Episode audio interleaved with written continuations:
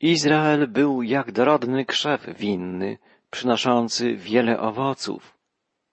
Te słowa otwierają poselstwo dziesiątego rozdziału Księgi Ozeasza. Mogłyby być to słowa o błogosławieństwie, o obfitości Bożych łask. Nawiązują przecież do obrazu winnego krzewu, znanego symbolu narodu wybranego.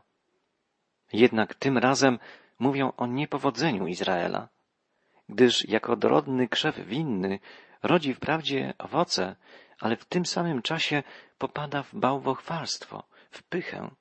Im lepiej się mu powodzi, tym bardziej oddala się od Boga. Przeczytajmy pierwszy wiersz dziesiątego rozdziału Księgi Ozeasza. Izrael był jak dorodny krzew winny, przynoszący wiele owoców. Lecz gdy owoc jego się mnożył, wzrastała liczba ołtarzy. Im lepiej działo się w kraju, tym wspanialsze budowano stele. Bóg sprawiał, że Izrael przeżywał lata obfitości, lata dobrobytu. Ziemia dawała dobre plony, ludzie żyli w dostatku. Jednak zamiast okazać Bogu wdzięczność, zamiast mu podziękować za jego błogosławieństwo, Izraelici zaczęli wznosić ołtarze pogańskim bóstwom. Zaczęli stawiać wspaniałe pałace, świątynie, stele. Dobrobyt, zamiast przybliżyć, oddalił ich od Boga. Stali się podobni do otaczających ich ludów pogańskich, a mieli przecież świadczyć im o żywym Bogu, o Jego miłości, o Jego mocy. Mieli przekazywać wszystkim narodom Jego słowo. Taka postawa ludu izraelskiego nie jest czymś wyjątkowym. Musimy przyznać, że podobnie dzieje się w każdym społeczeństwie, gdzie panuje dobrobyt, gdzie ludzie żyją w dostatku. Zazwyczaj kościoły są tam puste, jest małe zainteresowanie sprawami wiary. Ludzie myślą raczej o pomnażaniu majątku, gromadzą dobra materialne, wierząc w to, że to one zagwarantują im szczęście, powodzenie. Zapominają o Bogu. Zapominają o tym, że wszelkie dobra, również te materialne, pochodzą od Boga, że wszystko w naszym życiu zależy od Jego błogosławieństwa, Jego ochrony, przewodnictwa. Prorok Ozeasz przypomina o tym narodowi izraelskiemu. Rysuje obraz winnego krzewu, rodzącego wiele owoców. I apeluje, rodacy, Izrael ma być jak dorodny krzew winny, ma wydawać owoce prawdy, dobra, miłości, ma rozsiewać Boże błogosławieństwo na wszystkie narody. Tymczasem skupia się na sobie samym, gromadzi tylko dla siebie i to jedynie dobra materialne, a nie trwałe, duchowe. Musimy zauważyć, że podobne wezwanie kieruje do nas Pan Jezus. Nasz Zbawiciel mówi, jestem krzewem winnym, a wy latoroślami. Kto trwa we mnie, a ja w nim, ten wydaje wiele owocu. Przez to uwielbiony będzie Ojciec mój, jeśli obfity owoc wydacie i staniecie się uczniami moimi. Naszym zadaniem, jako ludu nowego przymierza, jest trwanie w Chrystusie i przynoszenie obfitych owoców, użytecznych nie tylko dla nas, ale także dla wszystkich otaczających nas ludzi. Owoce, które mamy przynosić w trakcie naszego życia, zostały wspaniale zdefiniowane przez apostoła narodów, który w liście do Galacjan napisał Owocem zaś ducha są miłość, radość, pokój, cierpliwość, uprzejmość, dobroć, wierność, łagodność, wstrzemięźliwość.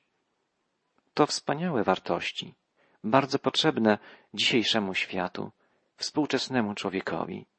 Miłość, pokój, uprzejmość, dobroć, wierność to wartości, o które wręcz krzyczy cała współczesna ludzkość.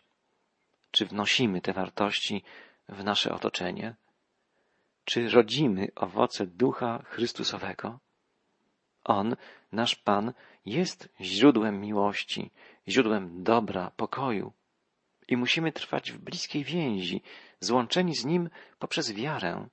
Musimy żyć na co dzień u Jego boku, czerpiąc z Jego miłości, Jego dobroci, mocy, bo tylko wtedy będziemy w stanie nie tylko sami rozwijać się duchowo, ale pomagać też naszym bliźnim, być dla nich oparciem, błogosławieństwem, drogowskazem do Boga.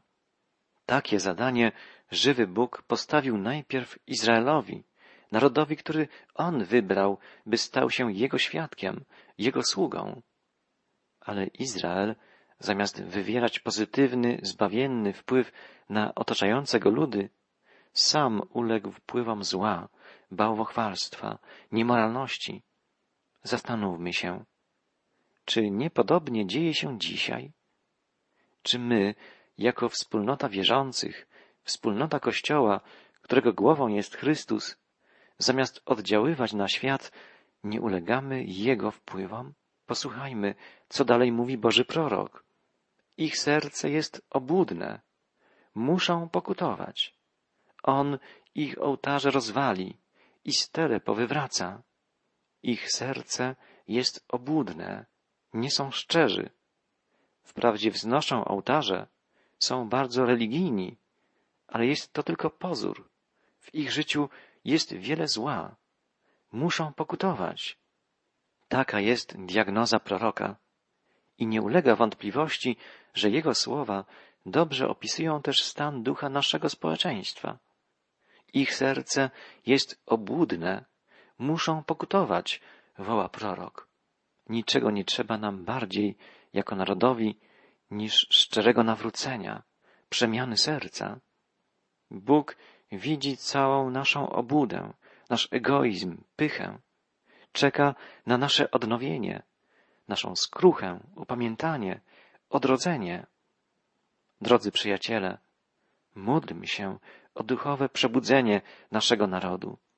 Módlmy się o to, by nasze myśli, uczucia, czyny i słowa przeniknięte były obecnością Chrystusa, by nasze umysły i serca pełne były Bożego Słowa, Bożej prawdy, Bożej miłości.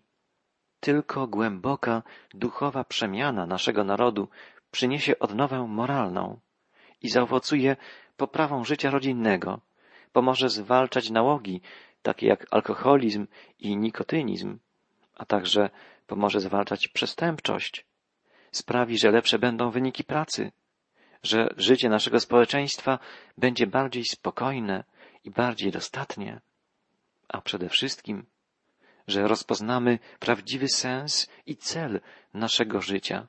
Dostrzeżemy, że naszym przeznaczeniem, zadaniem i przywilejem jest prawdziwa, intymna łączność z Panem i Zbawicielem. Jest kroczenie u boku Chrystusa, teraz i na całą przyszłość, na zawsze, w Jego Królestwie Światłości, Królestwie Szczęścia i wiecznego pokoju. Spójrzmy, o czym dalej mówi prorok Ozeasz. Powiedzą wtedy, my nie mamy króla, bośmy się Pana nie bali. Zresztą, cóż nam król pomoże? Izraelici nie mieli szczęścia do swoich królów. Wszyscy przywódcy północnego królestwa zostali ocenieni w Biblii jako źli, nieprawi. Tylko trochę lepiej było w Królestwie Południowym, gdzie na tronie Dawida w Jerozolimie zasiadało kilku prawych, bogobojnych władców. Ale i tam zdecydowaną większość stanowili królowie niegodni, nieprawi, popełniający to, co złe w oczach Pana. Jednak prorok Ozeasz wskazuje jeszcze ważniejszą rzecz niż problem złych królów, złych przywódców. Stawia pytanie, cóż mógłby nam pomóc król? I woła, to myśmy się Pana nie bali. Tak, przywódcy narodu ponoszą wielką odpowiedzialność za stan duchowy ludu, ale nie można na nich złożyć całej odpowiedzialności. Każdy z nas ponosi osobiście konsekwencje własnego postępowania. Bóg nie będzie rozliczał jedynie przywódców i nie będzie oceniał życia narodu jako całości. Każdy z nas stanie przed obliczem Boga twarzą w twarz. Każdy będzie musiał zdać sprawę ze swego własnego życia. Nie będziemy mogli tłumaczyć się przed Bogiem, że nie dano nam dobrego przykładu z góry, że nasi przywódcy polityczni czy religijni nie kierowali nas swym przykładnym życiem ku Bogu. Mamy naśladować przede wszystkim jednego króla i pana, Jezusa Chrystusa. Wiemy, kim On jest. Nasz Zbawiciel, Syn Boży. Wiemy, że jest On ponad wszelką władzą, że jest Królem Królów i Panem Panów. Znamy Jego Słowo. Wiemy, co dla nas uczynił. I będziemy odpowiadali przed Bogiem Ojcem przede wszystkim za to, co uczyniliśmy z Jezusem. Czy przyjęliśmy Bożego Syna? Czy stał się On naszym Zbawicielem i Panem? Drogi przyjacielu, to zadecyduje o Twojej i mojej wiecznej przyszłości. Czy zostaniemy przyjęci przez Boga jako Jego dzieci, odkupione, oczyszczone zbawienną krwią przelaną za nasze grzechy na krzyżu Golgoty? Czy też Jezus powie, nie znam was, idźcie precz ode mnie, wy, którzy czynicie bezprawie. Nasza wieczna przyszłość rozstrzyga się teraz. Upewnij się, drogi przyjacielu, czy uczyniłeś Jezusa swoim Panem, swoim Królem, bo to On jest Królem wieczności i tylko dzięki Niemu, odkupieni przez Niego i złączeni z Nim, możemy się znaleźć w Królestwie Bożym. Izraelici w czasach Ozeasza mówili, my nie mamy króla, bośmy się Pana nie bali. A czy my znamy prawdziwego króla? Czy jest w naszych sercach prawdziwa bojaźń przed Panem wieczności? Czy widzi On w naszej duszy prawdziwą, głęboką pokorę, skruchę, prawdziwą wiarę? Pamiętajmy, że są to pytania, na które każdy z nas musi odpowiedzieć indywidualnie, osobiście i że od odpowiedzi na te pytania zależy cała nasza przyszłość, nasze wieczne przeznaczenie. Jeśli otwarliśmy swoje serce dla Chrystusa, jeśli przyjęliśmy Go jako Pana i Zbawiciela i żyjemy w bliskiej, intymnej więzi z Nim, zmartwychwstałym Panem, możemy, dzięki Bożej łasce, uchwycić się z całych sił wspaniałych Bożych obietnic. Na przykład tej przekazanej nam przez apostoła narodów, który w liście do Rzymian napisał Jeśli duch tego, który Jezusa wzbudził z martwych, mieszka was, wtedy ten, który Jezusa Chrystusa z martwych wzbudził, ożywi i wasze śmiertelne ciała przez ducha swego, który mieszka w was. Bo ci, których duch Boży prowadzi, są dziećmi Bożymi. Ten to duch świadczy wespół z duchem naszym, że dziećmi Bożymi jesteśmy. Albo słowa apostoła miłości Jana. A takie jest świadectwo, że życie wieczne dał nam Bóg, a życie to jest w Synu Jego. Kto ma Syna, ma życie. Kto nie ma Syna Bożego, nie ma życia. Tak czytamy w pierwszym liście Jana. Natomiast w Ewangelii Jana, niemal na samym początku, gdzie znajdziemy wspaniałe słowa o Jezusie jako o Zbawicielu posłanym przez Boga Ojca, czytamy tym, którzy Go przyjęli, dał prawo stać się dziećmi Bożymi, tym, którzy wierzą w imię Jego, którzy narodzili się nie z krwi ani z cielesnej woli mężczyzny, lecz z Boga.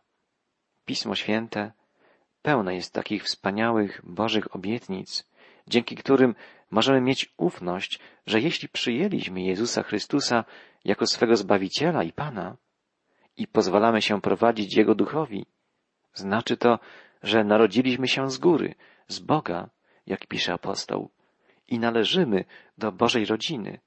I jako Boże dzieci przebywać będziemy u Jego boku już na zawsze. Taką ufność, taką pewność może mieć jednak tylko ten, kto w pełni pokory, ze skruszonym sercem poprosił Chrystusa o przebaczenie grzechów, kto szczerze wyznał swoją niemoc, bezsilność i zwrócił się do Zbawiciela z prośbą o ratunek i doświadczywszy Jego wielkiej miłości i mocy, przylgnął do Niego całym sercem i kroczy z Nim przez życie, na co dzień, pozwalając Jego duchowi na dokonywanie ciągłej przemiany, duchowej odnowy, która trwać ma aż do powtórnego przyjścia Pana Jezusa, kiedy dopełni się proces całkowitego uświęcenia, kiedy wierzący staną się tacy jak On, zwycięski, zmartwychwstały, pełen mocy i miłości, uwielbiony Pan. Drogi przyjacielu, nie zagwarantują nam wejścia w tę wspaniałą rzeczywistość zbawienia jakiekolwiek obrzędy, zewnętrzne rytuały, powierzchowna religijność. Do Królestwa Bożego możemy wejść jedynie jako odrodzeni, przemienieni przez Chrystusa, oczyszczeni z grzechu ludzie wiary, jedynie doświadczając Bożej łaski, łącząc się z cudownym Zbawicielem i Panem, poprzez szczerą, pokorną wiarę, przyjmując Jego dar zbawienia, możemy patrzeć w przyszłość z radością i ufnością, która przekracza ludzki rozum. Jeśli poznaliśmy i uznaliśmy Jezusa jako króla i w nim pokładamy całą swoją ufność, nie musimy się lękać przyszłości, bo już jesteśmy obywatelami Bożego Królestwa. Pan Jezus powiedział, zaprawdę, zaprawdę powiadam wam, kto słucha słowa mego i wierzy temu, który mnie posłał, ma życie wieczne i nie stanie przed sądem, lecz przeszedł ze śmierci do życia. Echo, a raczej zapowiedź tych wspaniałych prawd znajdujemy w słowach proroka Ozeasza. Zapowiada on, że tylko szczere upamiętanie się, pokuta, autentyczne odrodzenie duchowe może odmienić lud pierwszego przymierza. Jeśli Izraelici zwrócą się na powrót do Pana, ocaleją. Bóg przebaczy im winy i będzie im błogosławił. Niestety nie usłuchali wtedy słów proroka, nie usłuchali ostrzeżeń przekazywanych im przez Pana za pośrednictwem Ozeasza, Izajasza, Jeremiasza i wielu innych proroków bożych. Nie nastąpiło prawdziwe upamiętanie i dlatego upadło królestwo Izraela. Prorok Ozeasz woła dalej. Nieustanne słowa, pochopne przysięgi, zawierane przymierza, a sąd pleni się jak chwast trujący pośród brust na polach. Pochopne obietnice, zapewnienia o poprawie, przysięgi, zawierane przymierza, stale płynący potok słów, to wszystko tylko zewnętrzne, powierzchowne działania. Działania, które mają zastąpić prawdziwe upamiętanie i nawrócenie. To zastanawiające, że także dzisiaj wiele jest słów, zapewnień, przyrzeczeń, przysiąg, obietnic, ale zazwyczaj są to słowa puste, bez pokrycia. Nasz współczesny świat zalewany jest wręcz morzem słów, płynących z telewizji, radia, internetu, z wielonakładowych czasopism, gazet. Jesteśmy najbardziej rozgadanym pokoleniem w historii ludzkości, ale słowa, które rozlegają się wszędzie, mocno się zdewaluowały, straciły znaczenie. Ktoś twierdził, że ponad 99% słów płynących dzisiaj z różnych stron jest pozbawionych wartości, że w ogóle nie warto ich słuchać. Wiele jest zakłamania, półprawd, kłamstw, które zostaną kiedyś zdemaskowane i potępione. Boży prorok mówi o sądzie, który się pleni jak trujący chwast. Ta obrazowa wypowiedź proroka uświadamia nam, że nadchodzi czas Bożego Sądu, że narasta groza i nieuniknioność sądu Pana, podobnie jak niepostrzeżenie, acz stale rozwijają się chwasty w nieplewionym ogrodzie. Jednego możemy być pewni. Istnieją słowa prawdziwe, nieprzemijające, słowa, które mogą zamiast sądu przynieść nam ratunek, zbawienie. Są nimi słowa Jezusa. On mówi, niebo i ziemia przeminą, ale słowa moje nie przeminą. Dlatego też dzielimy się z wami, drodzy słuchacze, Bożym Słowem. Ono jest prawdą i ma moc, by nas budować, by prowadzić nas przez życie, przynosić nam zbawienie. Posłuchajmy dalszych słów Bożego proroka. Woła on, z powodu cielca w Bet-Awen mieszkańców Samarii ogarnie trwoga. Chodzi w żałobie jej naród, lamentują kapłani, bojąc się o jego blask, że mu zostanie odjęty. Bet Aven znaczy w języku hebrajskim dom nicości. To pogardliwa nazwa Betelu, czyli domu Boga. Ponieważ w Betel ustawiono posąg pogańskiego bożka, nie jest to już dom Boga, lecz dom nicości. Tam, gdzie nie mieszka żywy Bóg, rodzi się pustka, nicość. Prorok zapowiada, że gdy Bóg odejdzie spośród Izraela, przeminie chwała całego narodu. Jego blask zostanie mu odjęty. On sam zostanie zabrany do Asyrii jako danina dla wielkiego króla. Ozeasz zapowiada niewolę asyryjską. Północne królestwo ze stolicą w Samarii przestanie istnieć. Czytamy dalej w dziesiątym rozdziale Księgi Ozeasza od wiersza siódmego. Upadnie Samaria, a król jej jest niby piana na powierzchni wody. Zniszczone będą wyżyny Bedawen, grzech Izraela, ciernie i osty wyrosną na ich ołtarzach. Wtedy powiedzą górom, przykryjcie nas, a wzgórzom, padnijcie na nas. Dokona się sąd nad północnym królestwem. Zwróćmy uwagę, że prorocze słowa Ozeasza wtedy powiedzą górom przykryjcie nas, a wzgórzom padnijcie na nas, zostały powtórzone przez Pana Jezusa, gdy mówił o czasach ostatecznych. Kiedy nasz Pan szedł na Golgotę, liczna rzesza kobiet biadała i płakała nad Nim.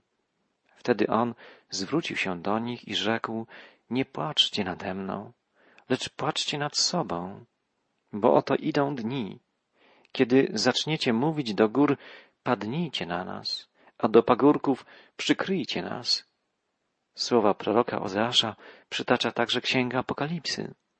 Nie ma wątpliwości. Bóg osądzi wszelkie zło, wypleni wszelką nieprawość. Będzie to czas niewyobrażalnej grozy dla tych, którzy odmówili Bogu posłuszeństwa, którzy odtrącili Jego miłość. Ocaleją i radować się będą jedynie ci, którzy odpowiedzieli na Jego wołanie i przylgnęli do Niego całym sercem.